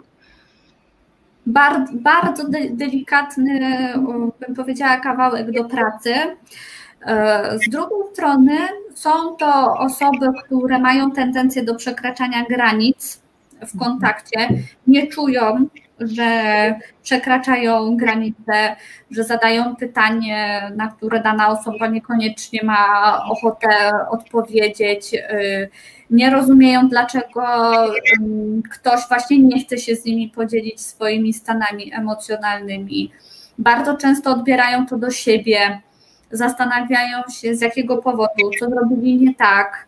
E, towarzyszy im też toksyczny wstyd, czyli uruchamia się ta emocja w neutralnych e, sytuacjach. E, są to też osoby, które mogą mieć tendencję do nadmiernego moralizowania. A to jest taka cecha, która wiąże się, bym powiedziała, no w, no w, ta, w takiej mm, ostatecznej wersji z dużym ostracyzmem społecznym, tak? że osoby w miejscach pracy które nadmiernie moralizują, pouczają, są nielubiane. E, I też tym osobom trudno dojrzeć, e, bo z ich perspektywy one chcą pomóc. Tak, one chcą dać drugiej osobie to, co mają najlepsze, tak, czyli swoją radę, e, swój sposób widzenia świata i trudno jest im uznać, że ktoś tych rad nie chce przy, przyjąć. Tak? E, myślę, że jedną z poważniejszych konsekwencji e, w życiu dorosłym dzieci sparentyfikowanych jest dysproporcja między dawaniem i braniem. Mhm. Ale zobacz też jakby jakie to jest zaproszenie e, do świata, jakby będąc taką w mhm. takiej pozycji, jak mówisz, moralizującej, nadopiekuńczej, dominującej, ale też takiej gotowej do właśnie skupienia się na cudzym wnętrzu, a nie na swoim. To jest zaproszenie do bycia ratownikiem jakiejś ofiary na przykład, tak? tak. Albo, albo potem katem jakiejś ofiary, jak tutaj y, bo, mm, można sobie przypomnieć ten trójkąt dramatyczny Karpmana, o którym też gdzieś tam mówiłyśmy, czy, czy, czy mówiłam gdzieś indziej, nie? że jakby e, to nie jest rola, w której czuję się swoją odpowiedzialność, czuję się swoje wnętrze, właśnie swoje emocje, tylko jakby mam ten radar wystawiony na zewnątrz, no i szukam kogoś, kto ma ma e, coś wspólnego, tylko na odwrót, prawda? Ktoś, kto chętnie przyjmie rolę biegunowo przeciwną. No i to na przykład jest e, klasyczna rola osoby współuzależnionej i później uzależnionej od czegokolwiek, prawda? Tak jak to opisujesz teraz, Kamila, jak Ciebie słucham, no to pasuje to do wielu moich e, obecnych czy byłych pacjentek właśnie współuzależnionych. To mówiąc z kolei moim językiem, tych językiem schematów z dorosłej perspektywy, to to są osoby, relacji, które mają schematy w relacji same ze sobą, lekceważenia i deprecjonowania siebie, mówiąc językiem Jerzego Melibrudy, czyli właśnie ja nie zwracam uwagi na, na to, co we mnie gra, e, plus schemat wywierania na siebie presji, czyli właśnie tych niesamowitych standardów, o których powiedziałaś, a z kolei w relacjach z innymi ludźmi, bo to są inne schematy, na przykład dominowanie i kontrolowanie, żeby przejąć odpowiedzialność, plus z drugiej strony to zależy jeszcze od tego, czy, czy mlecz, czy orchidea, jaki temperament, jak, jaki sposób radzenia sobie ze schematami, podporządkowanie albo przyzwalanie na złe traktowanie. Tak to, tak to w, tej, mm, mm, w mojej terapii się, czy w terapii, którą ja pracuję, się nazywa. No i właśnie, jakby to, co najbardziej jakoś uderza w tych konsekwencjach, że wchodzimy w ten dorosły świat właściwie z perspektywy emocjonalnej dziecka, no i jakby możemy w ten sposób e, e, żyć tylko z drugim emocjonalnym dzieckiem, z drugim dorosłym dzieckiem, bo dorosły człowiek nie wejdzie w taki układ, prawda? Albo przynajmniej szybciej się z niego wycofam, bo, bo zobaczę, że no jakby tutaj jest, role są już mocno rozpisane, tak? I jeżeli jeszcze to jest właśnie na poziomie nieświadomym, no to już, już, już zupełnie ciężko funkcjonować, tak, właśnie z perspektywy dorosłego człowieka.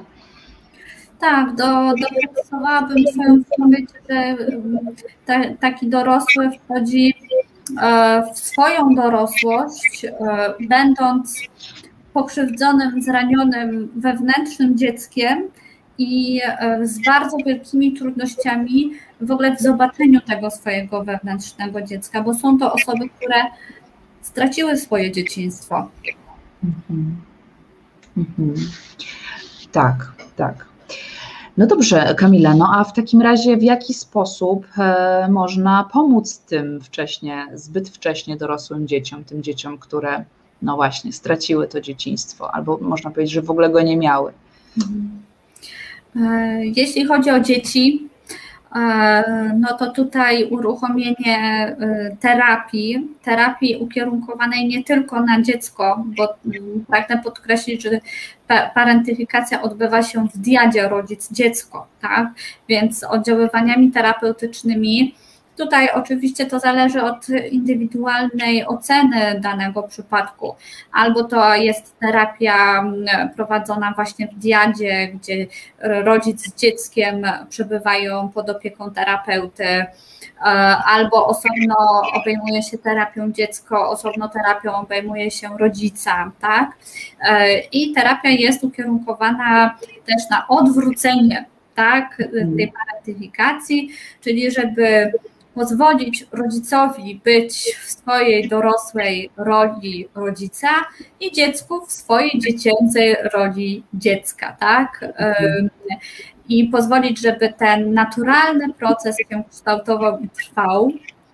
E, natomiast e, jeśli chodzi o osoby dorosłe, niezależnie czy są rodzicami, czy nie są rodzicami, no to myślę, że obie tutaj e, zgodzimy się, jednym z najlepiej w tej chwili opracowanych. Jeśli, jeśli kiedyś naukowcy opracują jakąś inną metodę niż psychoterapia, to ja będę pierwsza, która się tym zainteresuje. E, prowadzone są aktualnie różne badania na temat funkcjonowania mózgu.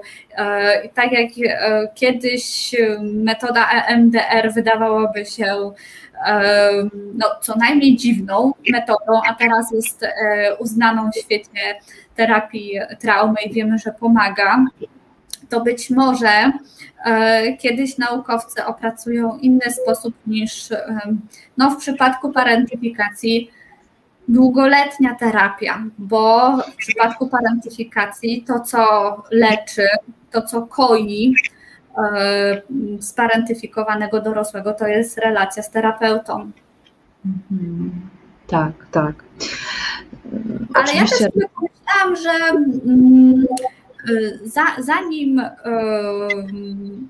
uruchomi się proces terapeutyczny, to myślę, że bardzo dużym krokiem do przodu e, jest nazwanie sobie, że być może ja doznałem, doznałam parentyfikacji w dzieciństwie. Że czasami jest tak, że ludziom zajmuje kilka lat e, dojrzewanie do, de, do, decyzji, dobra, idę do terapeuty. To nie jest łatwa decyzja, tak? Mhm. E, natomiast e, być może samo uświadomienie sobie, ta, taki mm, strumień świadomości, że mogło mnie to dotyczyć, myślę, że jest dużym krokiem do przodu. Mhm. No właśnie, tutaj nam pani Izabela napisała taki komentarz właśnie a propos tego, co mówisz, że no właśnie, ja byłam taka dzielna, odpowiedzialna, mała, stara, teraz już wiem, że takie zachowania mają swoją psychologiczną nazwę. I że jakby właśnie nazywanie rzeczy po imieniu to już jest kawałek sukcesu i, i no to tak, tak. Jak, działa jak diagnoza, tak? że po prostu daje ulgę, wyjaśnia, jakby nie trzeba już szukać po omacku i samo, samo to jest leczące.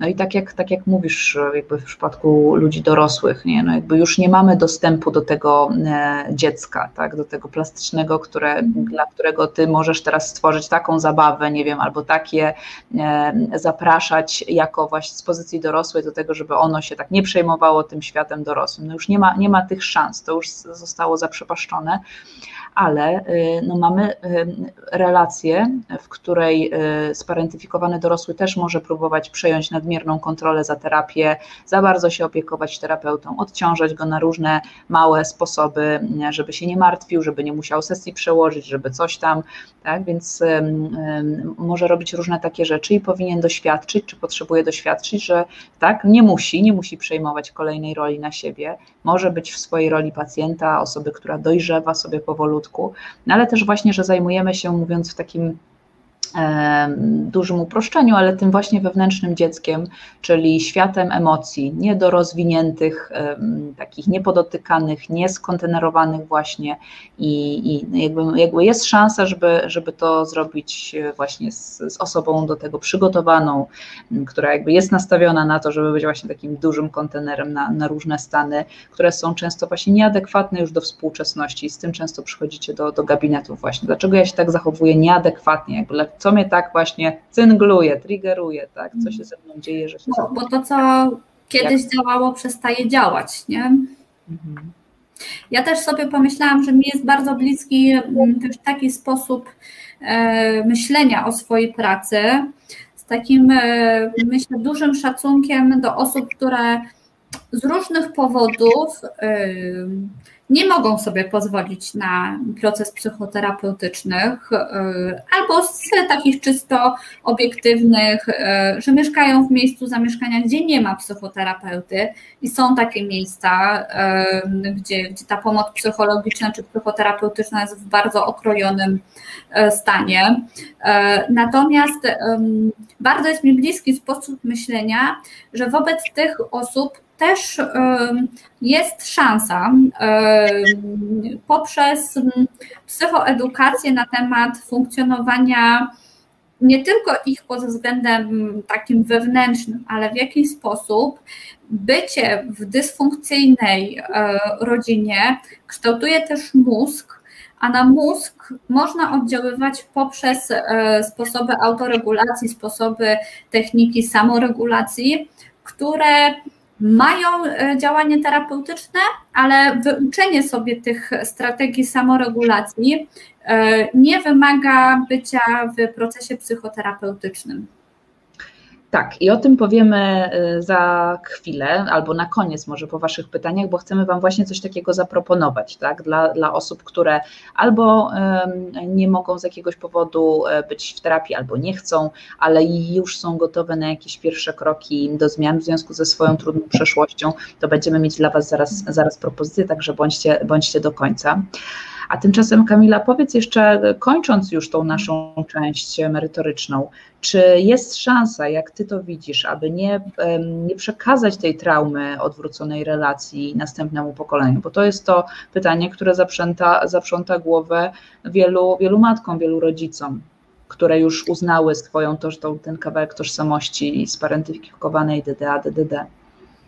Tak samo jak y, głęboko wierzę w psychoterapię, tak samo głęboko wierzę w psychoedukację i właśnie szerzenie wiedzy na temat e, sposobów samoregulacji, bo ja uważam, że jeżeli e, człowiek dobrze e, potrafi regulować swoje napięcie, bo kiedy, kiedy dochodzi do parentyfikacji pokoleniowej? Wtedy, kiedy mamy sytuację stresu, dochodzi do tego, że człowiek jest poza tak zwanym okienkiem tolerancji. Każdy z nas ma trochę inne to okienko tolerancji na bodźce y, stresogenne. I kiedy dochodzi do e, właśnie wyjścia poza to okienko y, tolerancji, to wtedy reagujemy właśnie tymi starymi wzorcami. E, czyli jeżeli ja mam dobrze opanowane, po pierwsze, techniki rozpoznania których sytuacjach dochodzi u mnie do przebodźcowania, do tego, że ja reaguję tak zwanym mózgiem gadzim yy, i potrafię się wtedy zatrzymać, zrobić sobie taką stop klatkę yy, i wyregulować sobie to napięcie i nie uruchamiam tych strategii. Nie mówię, że to jest proces krótkoterminowy i łatwy ale w pełni do wypracowania, bo nasz mózg jest bardzo neuroplastyczny i tak jak uczymy się różnych nawyków, tak samo nasz mózg y, uczy się różnych nawyków pracowania z własnym napięciem, z własnymi emocjami y, i to jest moim zdaniem y, jeden z kluczy do tego, w jaki sposób nie przekazywać parentyfikacji dalej, bo samo przyznanie, że tak, są sytuacje, w których ja sobie z napięciem nie radzę, już jest wzięciem odpowiedzialności za to napięcie. Mm-hmm, I nie przekazywanie tego dziecku. Tak. Czyli z jednej strony mówisz nazywanie, ale też posiadanie w swoim jakby repertuarze odpowiednich sposobów, żeby tak. się w ogóle tak. rozpoznawać te haczyki, zwłaszcza w relacji z dzieckiem, jakby co to dziecko robi, z czym mi się to kojarzy i co mnie uruchamia, a potem jak sobie z tym poradzić, żeby do tego okna tolerancji się przywrócić jakoś, tak, prawda? Tak. Żeby się to napięcie wyregulować i potem, nie wiem, wrócić do, do relacji z dziecka już takim jak rodzic, a nie jak drugie dziecko. Tak.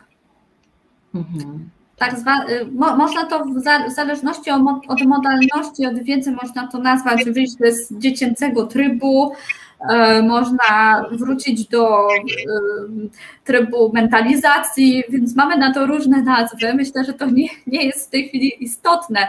Istotne jest, żeby przekazać człowiekowi, e, że on w sytuacji silnego napięcia powinien mieć taką przy sobie walizeczkę, skrzyneczkę z różnymi narzędziami, co mu w danej sytuacji pomaga przywrócić do stanu zero, do stanu neutralnego, obiektywnego, żeby móc znowu być w kontakcie, w relacji z dzieckiem.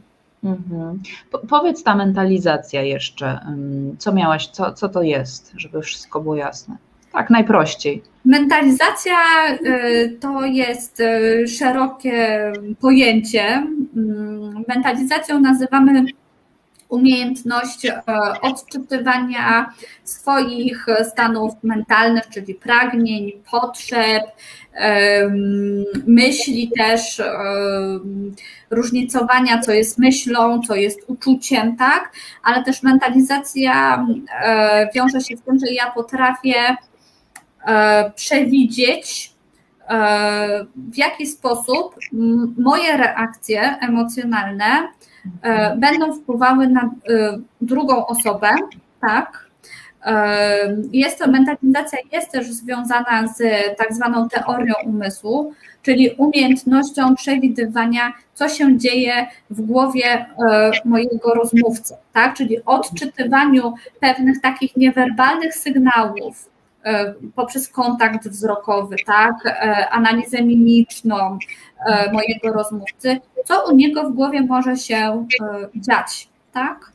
E, I z mentalizacją mamy związane takie konkretne obszary w naszym mózgu. Jednym z takich obszarów są tutaj, mamy płaty przedczołowe, które też e, są odpowiedzialne za dokonywanie mentalizacji oraz przede wszystkim neurony lustrzane, czyli te neurony specjalizujące się tym, że potrafimy dostroić się emocjonalnie. Mhm, tak.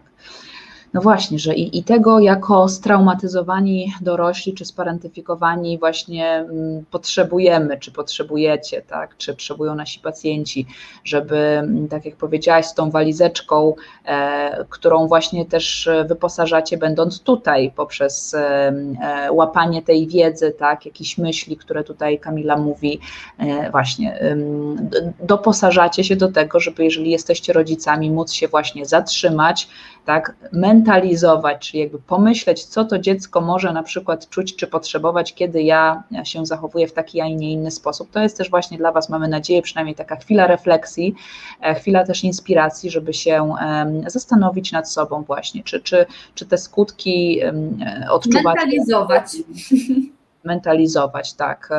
I, I, no i właśnie, i żeby zrobić kolejny krok na tej drodze, do którego, jak znowuż przypominam, zaraz Was zaprosimy już konkretniej. Ale tymczasem mamy tutaj bardzo dużo pytań od Was. Ja słuchajcie, ja nie, nie, nie pokazuję tego, bo, bo nie chciałam Kamili tak bardzo przerywać, ale przejdziemy sobie, bo skończyłyśmy już taką naszą część pytaniową, e, którą, miałyśmy dla Was, a teraz przejdziemy sobie przez na pewno nie wszystkie, ale przynajmniej kilka pytań i postaramy się e, tutaj wejść z Wami w dialog. Możecie pisać dalej. Dobrze, to teraz sekundka, ja patrzę. Mhm. No, tutaj będzie skomplikowane i długie pytanie, ale może zaryzykujmy chociaż troszeczkę, e, Kamila. Pani Ewy Boruty, czy mógł, mogłaby Pani powiedzieć coś w temacie, jak dwóch dorosłych sparentyfikowanych buduje relacje między sobą? Te mechanizmy odpalają się w ten sam sposób, czy jak to może być? Jak myślisz, Kamila? Ja nie jestem terapeutą par, mm, więc mam tu, powiedziałabym, pobieżną wiedzę. E, natomiast na tyle, na ile mogę się opierać e, w swojej wiedzy w tym zakresie, to wzorce e, dziecięce w parze uruchamiają się w bardzo podobny sposób, albo symetryczny, albo komplementarny. Komplementarny, czyli jeśli jedna osoba jest sparentyfikowana i głównym jej e, na przykład wzorcem uwewnętrznionym z okresu dzieciństwa jest narzucanie swojej woli, dominacja, e, to w sposób komplementarny może się ona połączyć z osobą, która ma przeciwległy sposób reagowania, czyli w takich sytuacjach będzie się wycofywała swój świat wewnętrzny. I ona ma tego typu e, sposób, strategię e, przetrwania. Tak? Czyli tam była strategia, bym powiedziała, walki i komplementarnie szukam sobie partnera, który w sytuacji napięciowej będzie uruchamiał strategię wycofania, tak? Albo zastygnięcia. Natomiast można też w parze połączyć się w sposób symetryczny, czyli obie osoby mają uwewnętrzniony na przykład mechanizm walki, I w sytuacji konfliktu każda z tych osób będzie do upadłego walczyła o swoje. Mhm. Tak. Właśnie, no, y, można powiedzieć, że jak jest dwóch sparentyfikowanych y, i jakby według tej definicji, którą powiedziałyśmy, no to, no to niedobrze, to gorzej, tak, niż mhm. gdyby był tylko jeden właśnie na przykład i jakby jeden będzie powiedzmy z tym trudniejszym stylem przywiązania pozabezpiecznym, a drugi z tym bardziej w kierunku bezpiecznego, to wtedy i w relacji z dzieckiem prościej, no bo ono będzie mogło mieć trochę dwa inne doświadczenia i, i będzie mogło później przynajmniej mieć jakieś porównanie w życiu, niż gdy będzie miało na przykład, no tak jak mówisz, komplementarne, w sensie inaczej mama, inaczej tata, ale jednak oba e, wynikające z ich sparentyfikowanych doświadczeń, czyli jakby tak. dwoje dorosłych dzieci e, w relacji ze swoim dzieckiem. To będzie na pewno, na pewno trudniej, ale czy w ten sam sposób, no to tak jak, tak jak Kamila powiedziała, to już zależy od, od, od pary, jak się dobrała. Idźmy dalej. E, tutaj takie ciekawe pytanie. Zastanawiałam się, czy ono jest ironiczne, ale przyjmijmy je za dobrą monetę. Pani Magda pyta, czy dobrym rozwiązaniem w takim razie po urodzeniu dziecka będzie udanie się do specjalisty, aby nie powielać parentyfikacji? Tak rozumiem, jakby, czy na ile szybko jakby zapobiegać, tak? Jakby co zrobić, żeby tylko nie przekazać Myślę, że jest to, jest to jakiś sposób, jeżeli kobieta planuje zajść w ciążę i ma e, o sobie wiedzę, że była w dzieciństwie sparentyfikowana, żeby przed zajściem w ciążę uruchomić swój własny proces terapeutyczny. Ja osobiście znam takie kobiety, które właśnie przed zajściem w ciążę podjęły decyzję o terapii własnej. Oczywiście mm, podjęcie terapii własnej nie gwarantuje że z własnym dzieckiem e, nie będzie żadnych wyzwań e, rozwojowych, bo mogą pojawić się inne, niekoniecznie o charakterze parentyfikującym, tak? E, natomiast ja bym potraktowała to pytanie poważnie. Mhm. Po, poważnie, po, jako poważne podejście do swojego rodzicielstwa, jako wzięcie odpowiedzialności za swoje reakcje, swoje doświadczenia, E, swoją historię życia e, i mając takie założenie, że ta historia życia jest ryzyko, że się powieli, to mhm. idę z tym robić e, porządek, tak powiem kolokwialnie. Tak, no zresztą tutaj pani Magda dalej dopisała, zauważyłam jeszcze drugi komentarz. Nie chciałabym nieświadomie stosować parentyfikacji w momencie, kiedy moje dziecko przyjdzie na świat, stąd mhm. moje pytanie, tak. Czyli, czyli, czyli tak, to, to nie była ironia.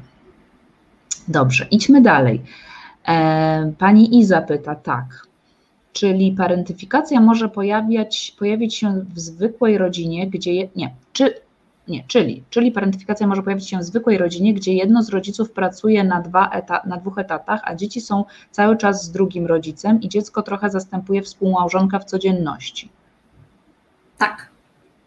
To tak jest może. sytuacja, gdzie jest duże ryzyko wystąpienia parentyfikacji instrumentalnej i parentyfikacji emocjonalnej, mm, ponieważ tak jak powiedziałam na początku e, naszego spotkania, e, że w chwili obecnej e, już nie obserwujemy parentyfikacji takich, bym powiedziała, klasycznych rodzinach dysfunkcyjnych, ale na przykład w rodzinach, gdzie jeden z rodziców emigruje zarobkowo, tak? Albo gdzie jeden z rodziców y, albo ze względów na pracoholizm, albo ze względów po prostu na sytuację życiową musi podejmować bardzo dużo y, obowiązków zawodowych, tak, te rodziny są w grupie ryzyka objętych parentyfikacją.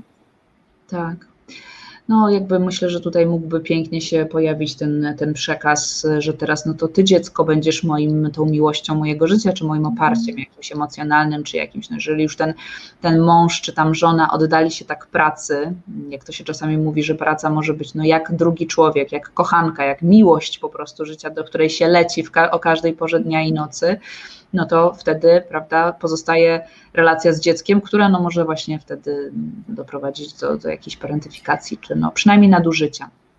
Ja o tym nie mówiłam e, e, dzisiejszego wieczoru, ale z parentyfikacją jest e, związany bardzo blisko. To bym tak powiedziała, że, że te zjawiska idą w parze.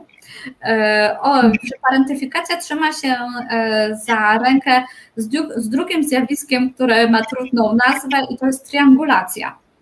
E, triangulacja polega na tym, że para wciąga w swoje sprawy związkowe dziecko, tak? Albo wciąga na zasadzie koalicji, że na przykład w trakcie konfliktu e, pomiędzy małżonkami jeden z małżonków pyta się dziecka, no a ty po której jesteś stronie? Tak? I, i samo to pytanie powoduje, że dziecko jest tak, w tak zwanej triangulacji, e, czyli jest wciągnięte w e, konflikt, albo dziecko się spotyka z takim komunikatem, że rodzice kłócą się przez niego tak? Mhm. To oczywiście są sytuacje, gdzie jest to prawda, ale większość konfliktów w parze jednak dotyczy e, jakichś e, elementów relacji e, stricte obecnych w parze, a nie, niekoniecznie tych związanych bezpośrednio z dzieckiem. Tak, tak, właśnie triangulacja, jakby uczynienie trójkątnej relacji, takiej właśnie, która jakoś podtrzymuje tą nie, nie, niestabilną relację rodziców, no też jest właśnie jakimś takim nadużyciem, nie, no zresztą Następny komentarz właściwie tego dotyczy, to od razu może włączę Pani Ewelinę, że w jaki sposób można wesprzeć dziecko, kiedy po rozstaniu rodziców jedno z nich nagaduje na drugie, jeden rodzic nagaduje na drugiego rodzica, a dziecko chce być lojalne właśnie wobec obojga rodziców. Tak, no to właśnie, no to jeden z rodziców próbuje utrójkątowić, e, tak, wciągnąć mm. dziecko w, w, jakąś koalicję przeciwko drugiemu, to pytanie, e, no, wolisz mamusię czy tatusia, to jest największa pomyłka świata dziecięcego. No i właśnie, jak, co można powiedzieć najprościej, jakby jak można wesprzeć? Ja mm, rodzicom w gabinecie, którzy albo są w trakcie rozstania, albo są w trakcie rozwodu, albo są po rozwodzie. E, zdarza się też w gabinecie, że mam tylko jednego rodzica, drugi odmawia współpracy e, z psychoterapeutą. To wobec tego rodzica, którego mam w gabinecie, e, moją podsta- podstawowym zaleceniem jest, żeby nie wchodzić z dzieckiem w dyskusję na temat w ogóle drugiego rodzica. Tak? E, podstawową zasadą jest, że nie mówię negatywnie e, przy dziecku na temat e, drugiego rodzica, ale zdarzają się tak wyjątkowe sytuacje. Na przykład taką wyjątkową sytuacją jest zdrada mhm. jednego z współmałżonków i na przykład dziecko wie o tej zdradzie. Tak? I moim zdaniem pewnego rodzaju nieadekwatnością jest zachowanie przed y, dzieckiem pod względem emocjonalnym, że ta zdrada mnie nie boli. Bo dziecko wyczuje, że w tym jest jakaś nieautentyczność. Tak? Więc są pewnego rodzaju sytuacje, które stanowią wyjątek, i wtedy można bezpiecznie jest dziecku powiedzieć, tak, mnie zraniło to, zrobił e, tata, ale nie chcę o tym rozmawiać z tobą, tak? Wolę o tym rozmawiać z dorosłymi osobami. Mhm, mhm.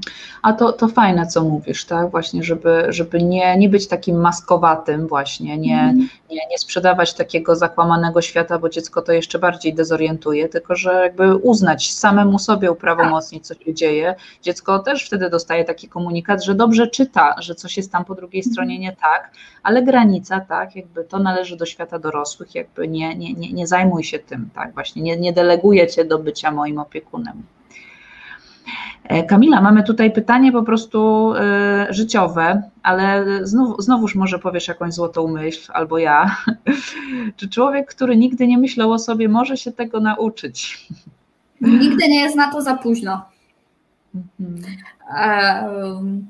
Ja mam koleżanki, które pracują też z osobami starszymi, które pracują z osobami 60 plus e, i te osoby, można powiedzieć, na ostatniej prostej e, swojego życia uczą się, jak myśleć o sobie. I to, I to też jest bardzo wzruszające. E, piękne, bym powiedziała, ile też pracy oni wkładają w to, żeby być przy sobie. Żeby sobie powiedzieć, to jest dla mnie ważne, i być może inni podchodzą do tego krytycznie, ale ja tak właśnie chcę, w taki sposób. Mhm. Można się tego nauczyć. Tak. Ja, ja, ja bardzo często spotykam się z tego typu pytaniem i ja lubię odpowiadać w ten sposób, że może nie będzie dla ciebie to tak automatyczne, jak dla dziecka, którego rodzic no właśnie nie parentyfikował i był blisko emocjonalnie, kontenerował, mentalizował, robił te wszystkie fajne rzeczy i potrzebne, bo może to jest lepsze słowo. Może nie będzie to dla ciebie automatem, albo nie będzie tak szybko automatem, ale mm, można zacząć to kontrolować, tak jak i nawet wykorzystać swoje mechanizmy kontroli, na przykład innych ludzi, do kontroli tego teraz, żeby e, no, nawet bardzo behawioralnie, bardzo prosto zadawać sobie codziennie to pytanie, czy jak proszę nieraz pacjentów o pisanie dzienniczka myśli uczuć, no co ja teraz czuję? Po prostu, czego ja chcę w danym momencie, czy co ja myślę o danej sytuacji. No i oczywiście często to pytanie jest takie, tak jak mówiłaś, e, no w ogóle nieoczywiste, czy jakby nie ma, jakby odpowiedź podstawowa brzmi ciągle nie wiem, ale wraz z pomocą terapeuty na przykład tak rozwiewamy te wątpliwości, tak, czy jakby w końcu dochodzimy do czegoś. Także absolutnie mm, odpowiadamy na to pytanie tak, można się tego nauczyć. Mhm. Dobrze, e, dalej. E, już, już e, nam się czas kończy, ale jeszcze, a pytań jest bardzo dużo. Takie pytanie tu po drodze znalazłam Pani Katarzyny. Czy mogą Pani powiedzieć więcej na temat osób dorosłych w terapii i niejako opiekowania się terapeutą? To nie wiem, Kamila, może ja zacznę tutaj e, z tej perspektywy dorosłej, ty coś dopowiesz. ja, ja, ja na przykład mam takie doświadczenie, jak, jak myślę o tym tak spontanicznie teraz, że opiekowanie się terapeutą może polegać na tym, żeby e, no nie sprawiać żadnego żadnej trudności, ale absolutnie żadnej. Tutaj mówię o takich prostych rzeczy typu spóźnianie się, płacenie, przychodzenie na czas, odwoływanie i tak dalej, że to jest, nie wiem, tak, na, choćby ta osoba była, nie wiem, jakoś super mm, e, ciężko chora, to ale żeby nie sprawiać tego problemu, to i tak przyjdzie i tak zadzwoni i tak dalej. To jest powiedzmy może takie bardziej e, oczywiste, ale emocjonalnie, że na przykład nie chce narażać na swoje e, uczucia, które według niej są trudne, e, no właśnie te, które zostały, nie zostały przyjęte przez kogoś kiedyś, no to teraz odtwarzamy, odtwarza się często przez jakiś czas w relacji terapeutycznej znowu ten, ten, sam, ten sam klimat, czyli że ktoś odciąża, albo nie wiem, bardzo szybko uważa, że mu pomogło, chociaż widać, że nie pomaga na przykład, że jesteśmy w miejscu, tak, ale jakby chce, żeby terapeuta był zadowolony, żeby był dumny, żeby on miał poczucie, że mu dobrze poszła terapia, a nieważne tak naprawdę, czy myśmy tam dotknęli tego wewnętrznego dziecka, czy nie, tylko prawda, takie, tak, taki mm, deklaracja szybkiego postępu, albo właśnie w ogóle gdzieś tam nie dojście do tych uczuć, które są tak najbardziej zranione i stłumione, bo w głowie jest jakieś założenie czy przekonanie, że że to jest y, albo nie okej, okay, albo właśnie obciąża to ludzi, albo to jest nie do przyjęcia w jakiś sposób. No i, no i na przykład tak, to, to mi przychodzi do głowy. Nie wiem, czy jeszcze ja mogę powiedzieć, że w gabinecie z dziećmi um, odbywa się to na zasadzie, um, że zdarzają mi się młode osoby, które wchodzą do gabinetu. Ja mam w gabinecie kanapę, siadają na kanapie i się pytają: I co tam u pani? A, no tak. E, także tu, tutaj e, bardzo próbują w szybki sposób odwrócić e, rolę, tak? I na, narzucić ton. Albo w przypadku osób dorosłych trudno im się sparentyfikowanym osobom dorosłym trudno im się odnaleźć w tak zwanej asymetrii terapeutycznej, czyli to, że terapeuta mało mówi o sobie. E, że to mi w ogóle budzi niepokój, tak? Że to, to jest w ogóle dziwne, że ja o pani nic nie wiem, że ja tu mam przychodzić, opowiadać e, o bardzo swoich bolesnych e, kwestiach, a ja o pani nic nie wiem. Tak? I o ile z dziećmi można sobie po, pozwolić na większe ujawnienie siebie jako terapeuty, bo jest, są to procesy bym powiedziała, z dużo większą spontanicznością i z takim, z takim ryzykiem, że po prostu dziecko spontanicznie o coś e, zapyta, e, no to z dorosłymi jest to bardziej do oglądania, z jakiego powodu osoba dorosła próbuje tutaj w jakiś sposób wziąć kontrolę nad rozmową i jest zainteresowana. Można oczywiście to zinterpretować czysto po ludzku, E, mnie się zdarza też czysto po ludzku powiedzieć dobrze albo średnio e, na, na pytanie. E, natomiast myślę, że kluczowe jest to, żeby mieć w sobie przestrzeń na rozmowę z klientem, pacjentem na temat tych pytań dotyczących terapeuty. E, racja, to prawda. Rzeczywiście, w, jak myślę o świecie dorosłych, to, to, to podobnie, że u tych pacjentów częściej budzi to dyskomfort, że nie ma wymiany, że nie, że nie możemy na przykład pół godziny spędzić na tym, żeby ta osoba się mną poopiekowała, co z moimi mm. uczuciami, tak? I jakby sytuacja, w której cała godzina, czy tam te 50 minut jest dla niego i na jego świat emocjonalny, jest, jest wyjątkowo dyskomfortowa, no ale z czasem staje się, staje się yy, bardziej taka dostępna. Dobrze, słuchajcie, może jeszcze dwa pytania i będziemy mówić ogłoszenia. Może takie na, dobre na koniec. Czy mogą Panie polecić dobrą literaturę tematu? Czy są polskie badania dotyczące skali zjawiska lub narzędzia do badania parentyfikacji? O, już widzę Kamila tam e, idzie do swojej biblioteczki pewnie. Masz coś do polecenia? Pewnie, że mam. Pewnie, że mam. Przygotowałam. E, pierwsza książka jest o zjawisku parentyfikacji. Jest to książka naukowa, to, to trzeba e, zaznaczyć, więc dla osób, które e, nie są psychologami, czy dopiero próbują wejść w pewne nazewnictwo, może być to literatura trudna. Natomiast podjęłam decyzję, że ją polecę, bo jest to książka naprawdę moim zdaniem najlepsza w Polsce i jest to książka profesor Katarzyny Schir, Dorosłe dzieci. Mhm. Widać. I druga książka, którą, którą polecam nauczycielom, ale też myślę, że naprawdę mogą po nią sięgnąć rodzice, że, bo w tej książce jest bardzo dobrze wytłumaczone, co się dzieje w małej głowie, kiedy dochodzi do odwróconej relacji. Mhm. Odwrócona relacja. Tak, Margo... Tak, odwrócona rola, relacja, kiedy problemy rodziców zabierają dzieciństwo. Aha, poczekajcie, ja Wam e, odwrócona relacja. Od razu Wam podlinkuję, bo, mm, bo na pewno będą później o to pytania. O, już mam to wrzucam Wam tutaj w, w czat. Najpierw odwróconą relację, to co Kamila poleca nauczycielom i dorosłe dzieci Katarzyny Shir. Zgadzam się, e, to jest książka e, w tym temacie może nawet najważniejsza, jeśli chodzi o Polskę. Nie jest taka łatwa do przeczytania, to prawda. Mhm. I tam też a propos badań, tam znajdziecie bardzo dużo badań na ten temat. E, więc, więc tam odsyłamy. Już szukam, szukam. O, jest, jest na Ceneo. Proszę bardzo, jeszcze można sobie cenę porównać. Jest, dobrze. Wrzuciłam. Ok, słuchajcie, dobrze, czas nas goni, więc ostatnie pytanie Kamila weźmy dzisiaj na tapetę. Pana Michała.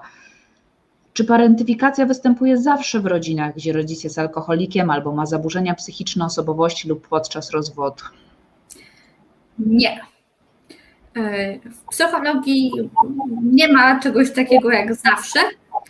E, są pewne prawdopodobieństwa, e, są pewne ryzyka, ale są rodziny, które mają duże zasoby i nie dochodzi do parentyfikacji. Jednym z takich zasobów rodzinnych jest wtedy, kiedy rodzina ma duże wsparcie tak zwane społeczne, nawet jeżeli w rodzinie jest alkoholik e, czy osoba z zaburzeniami psychicznymi, ale rodzina ma dużo znajomych, czy w ogóle jest to rodzina wielopokoleniowa, to jest to czynnik ochronny i wcale nie musi tam dochodzić do parentyfikacji dzieci.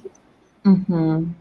Tak jest. No, Potwierdzam, nie ma, nie ma zawsze, jakby zależy jeszcze, jakie są dodatkowe te, te, te czynniki ochronne, też wyposażenie samego dziecka, więc, więc tak, na szczęście nie. E, no dobrze, słuchajcie, wrzuciłam tutaj te dwa, dwa same linki. Rzeczywiście mi mówicie, przepraszam, dorzuciłam już, już ten drugi o, o książce pani Katarzyny Szir. Dobrze, Kamila, powiedz, czy jeszcze, czy jeszcze coś byś chciała w temacie dopowiedzieć, jakieś ostatnie słowo, nie wiem, zanim przejdzie, przejdę do tej części ogłoszeniowej? Chyba nie. E, myślę, że dałyśmy całkiem dużą kapsułkę wiedzy mm, mhm. na temat parentyfikacji. Temat oczywiście jest niewyczerpany, e, ale trudno też wyczerpać e, temat, e, mając ograniczoną przestrzeń czasową. Mhm. Jakoś tak myślę sobie, żeby zakończyć w sposób pozytywny. I towarzyszy mi taka myśl, że też na odbudowanie swojego wewnętrznego dzieciństwa nigdy nie jest za późno. Mhm. Tak. E, z tą myślą nie tylko chcemy Was zostawić, ale mm, dać Wam kolejną propozycję, w której będzie można, no właśnie, próbować małymi kroczkami jakoś odzyskiwać swoje, mm, swoje dzieciństwo. Ale zanim, to kilka jeszcze, jeszcze ostatnich ogłoszeń. Słuchajcie, widzę, że tam jeszcze jest dużo pytań, na które myśmy nie dotknęły, e, ale może się zastanowimy, jak to zrobić, żeby jeszcze może się jakoś do nich odnieść, też na, może na warsztacie, który Wam zaproponujemy. Tymczasem, słuchajcie, chciałabym e, po pierwsze Wam podziękować. Nie odchodźcie jeszcze. Tak. Widzę, że, że, że jest Was troszkę mniej, ale nie odchodźcie jeszcze Natomiast dziękujemy Wam za uwagę, dziękujemy za cierpliwość, dziękujemy za to, że napełniacie swoją walizeczkę z narzędziami poprzez bycie o takiej porze i w takim dniu na, na naszym e, mhm. webinarze.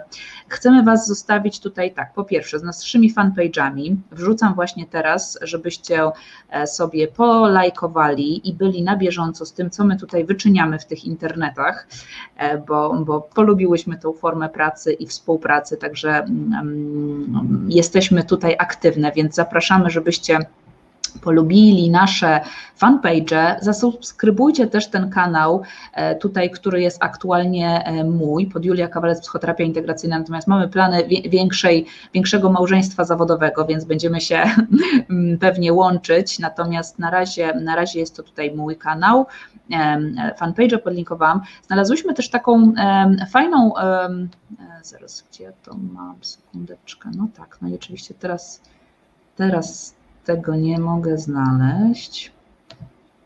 Sekundka. No tak, to muszę wyjść z innego miejsca. Jak masz Kamila coś do powiedzenia w tym momencie, to jest dobry moment, bo właśnie potrzebuję znaleźć naszego linka. To ja może powiem o warsztatach? No, zacznij mówić o warsztatach, dokładnie. Że e, kiedy przygotowywałyśmy nasz dzisiejszy webinar, e, po, pojawiła się w nas potrzeba, żeby e, dać coś więcej e, w przestrzeni internetowej e, i wpadłyśmy na pomysł warsztatów, warsztatów dla kobiet. Warsztaty mają charakter e, samorozwoju, E, własnego i będzie on poświęcony właśnie tym sposobom e, samoregulacji emocjonalnej po doświadczeniu traumy e, mhm. złożonej, tak? Tu mamy na myśli czy to parentyfikacja, czy właśnie wychowywanie się w rodzinie dysfunkcyjnej.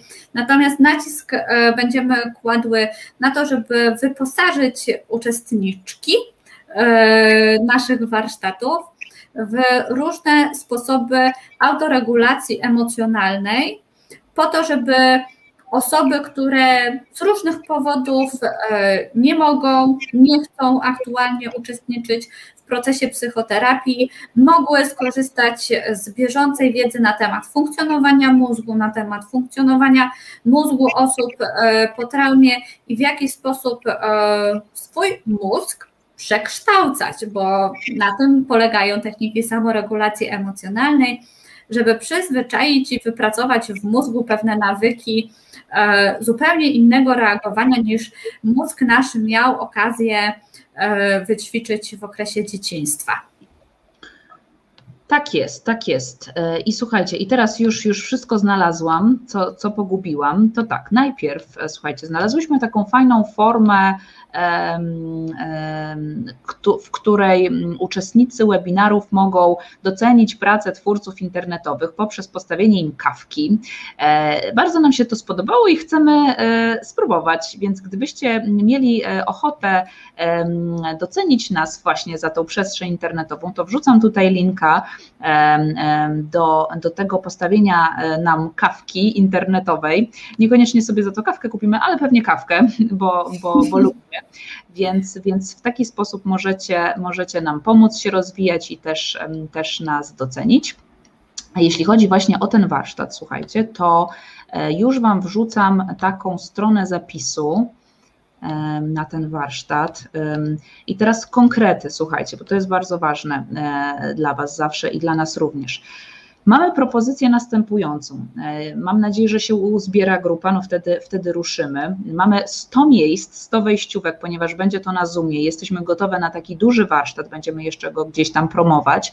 Natomiast dzisiaj jesteście pierwszymi osobami, do, wobec których docieramy z tym, z tym warsztatem właśnie dla kobiet na Zoomie 11 czerwca 4 godziny, także słuchajcie, 4 bite godziny wiedzy, samorozwoju, e, ale przede wszystkim sposobów i technik pracy własnej, bo tak jak tutaj jesteśmy z Wami, to, no to jakby taka forma, gdzie my przekazujemy Wam po prostu wiedzę, wchodzimy w jakąś małą interakcję, ale na tych warsztatach będziemy bardziej ćwiczyć, będziemy, mamy dla Was kilka kart pracy, kilka ćwiczeń, zaraz powiem o nich jeszcze więcej, więc to jest, jesteśmy bliżej Was, mówiąc w skrócie, a także no właśnie pracujecie osobiście nad jakby ćwiczeniami, które, które dla Was mamy, nie tylko przyswajacie wiedzę. W tym momencie wrzucam tutaj Wam do czata, w czat stronę zapisu na ten warsztat. Tu jest e, tam warsztat trauma, tak go podpisałam. Natomiast nazwałyśmy go e, w sumie sposoby pracy własnej z traumą pokoleniową, bycie córką swojej matki, matką swojej córki, warsztat samorozwoju dla kobiet, tym razem tylko dla kobiet. No i tak jak mówię, 11 czerwca e, między 18 a 22, więc w piątek trochę późno, na natomiast e, też tak, żeby było po pracy online na Zoomie, koszt tego warsztatu, bo ten warsztat już będzie płatny, jakby on, nas więcej wymaga pracy, ale też chcemy właśnie być bliżej Was i jakby będzie w nim zdecydowanie więcej niż tylko w takiej formie wykładowej. Jego koszt to jest 199 zł, w tym momencie, później pewnie będzie inaczej, ale na, na taki początek naszej współpracy z Kamilą chcemy, chcemy dać taką, taką cenę. Tam jest, ponieważ my jest, jeszcze nie jesteśmy takimi super profesjonalnymi twórczyniami, żeby to wszystko tak ładnie e, e, działało, e, że po prostu tam są podpięte płatności, jeszcze nie, więc tam jest numer konta, który trzeba przekopiować, zapłacić i dopiero opłata tego warsztatu jest, jest równoznaczna z zarezerwowaniem miejsca. No i później my, my od Was zbieramy te rezerwacje, tak, będziemy Wam wysyłać linka do Zooma, już ja się pewnie tym zajmę, żebyście w danym dniu dniu e, mogli się podłączyć, mogły się podłączyć, plus jakieś materiały i tak dalej. No i właśnie, i tak jak Kamila powiedziała, to jest warsztat dla kobiet. E, no, ja tutaj mogę dodać od siebie, tak, że przede wszystkim prawdopodobnie z biografią DDA i DDD, czy, lub też kobiet sparentyfikowanych, straumatyzowanych, które w tym momencie oczekują innych e, elementów niż, niż terapii, lub też takie, które oczywiście w terapii uczestniczą. No i ten warsztat na pewno poszerzy Wam mm, wiedzę z zakresu, e, teoretyczną z zakresu traumy tej pokoleniowej, przywiązaniowej jeszcze bardziej niż dzisiaj, ale właśnie przede wszystkim stawiamy na, na pracę warsztatową, gdzie zastanowicie się nad swoim i przywiązaniem w dzieciństwie, ale to będzie bardziej oparte właśnie o pracę na zasobach, nie na brakach, właśnie dlatego, że to jest e, warsztat, a nie terapia, więc popatrzymy od takiej strony, co jest dobre i na czym warto, co było dobre, jakieś nawet chociażby okruszki, na czym warto budować, bo e, jeżeli przetrwaliście, to musiały być zasoby. Z takiego założenia wychodzimy. Kamila też więcej powie o neuronauce, jeszcze więcej niż dzisiaj właśnie dotyczącej tej traumy po, połączonej z refleksją, właśnie jakie te triggery, triggery, te cyngle uruchamiają się w waszym, e, w waszym życiu, na wasze własne dzieci na przykład, no i będziemy wyposażać walizeczkę, w jakiś prosty sposób można samemu praktykować to regulowanie napięcia, żeby to właśnie nie było koniecznie związane tylko z uczestnictwem w długiej terapii, ale że samemu też można dużo w tej sprawie zrobić. E, no i dalej będziemy znowuż ćwiczyć. E, tutaj zapisałam Wam w tej stronie zapisz, Kamila zrobi takie ćwiczenie drzewo życia, technikę wyobrażeniową. Ja z kolei skupię się na pracy z wewnętrznym dzieckiem. Powiem więcej jeszcze właśnie o specyfice osób DDA, DDD i, i, e, i zaproponuję ćwiczenie. No, także to wszystko, to wszystko dla Was, jeszcze raz przypominam, 11 czerwca między 18 a 22. Oczywiście e, trzeba tu zaznaczyć, że takie, e, takie spotkania, takie warsztaty nigdy nie zastąpią terapii w gabinecie, tak, nie, nie uleczą w ten sposób jakoś magicznie traumy, nie chcemy takich obietnic tu formułować. Natomiast, tak jak Kamila powiedziała, bardzo wierzymy w psychoedukację i I, mm, i, I, to jest też wielka wartość i tego chcemy w tej formie naszej onlineowej dostarczyć. Czy coś jeszcze powinnam powiedzieć, Kamila? Po, powiedz, czy zapomniałam? Nasz, e, nasz warsztat stanowi uzupełnienie dla osób, które są w terapii lub odbyły terapię, lub też stanowi e, doskonały fundament do rozpoczęcia terapii własnej.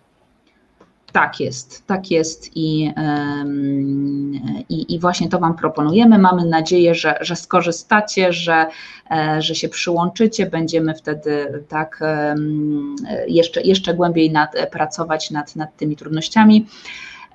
Co jeszcze? Planujemy też jeszcze ten trzeci webinar czerwcu. O rezyliencji, prawda Kamila? Dobrze? O rezyliencji, tak. O rezyliencji, czyli odporności psychicznej w czerwcu albo w lipcu, ale pewnie w czerwcu. To trzeci, ostatni z naszego cyklu, to też jeszcze stworzymy nowe wydarzenie, damy Wam znać. Jeszcze e, podlink, e, podlinkowuję Wam ostatnią rzecz, grupę rozwojową dla kobiet, którą ja prowadzę, Odzyskać siebie, wsparcie dla kobiet DDA, DDD. Tutaj też sporo różnych materiałów, dyskusji, w zasadzie to jest takie forum w tym momencie, gdzie kobiety się wspierają. Tam też e, wrzucę jeszcze informacje o naszym warsztacie. No i tak, chyba, chyba wszystko powiedziałam już w tym tak. momencie. No dobrze. Chyba czas na pożegnanie. Czas na pożegnanie. Słuchajcie, jeszcze raz dziękujemy Wam bardzo serdecznie. Piszcie do nas, dawajcie znać, możecie nam e, tutaj nas, e, nas skomentować, czy, czy, czy było w porządku, czy skorzystaliście. Dajcie znać, my sobie to poczytamy, później e, będziemy, będziemy myśleć, co dalej. No i Kamila, ja Tobie bardzo dziękuję za, za dziś. Kropka z mojej strony. Również. Bardzo dziękuję za organizację techniczną bo jak to zwykle w naszym teamie bywa, Julia jest odpowiedzialna za kwestie techniczne, więc bardzo Ci, Julia, za to y, dziękuję i dziękuję wszystkim, którzy e, poświęcili dzisiejszy wieczór e, na zgłębienie wiedzy psychologicznej. Dziękujemy Wam bardzo. Wszystkiego dobrego. Widzimy się niedługo. Do zobaczenia. Dobranoc. Do zobaczenia.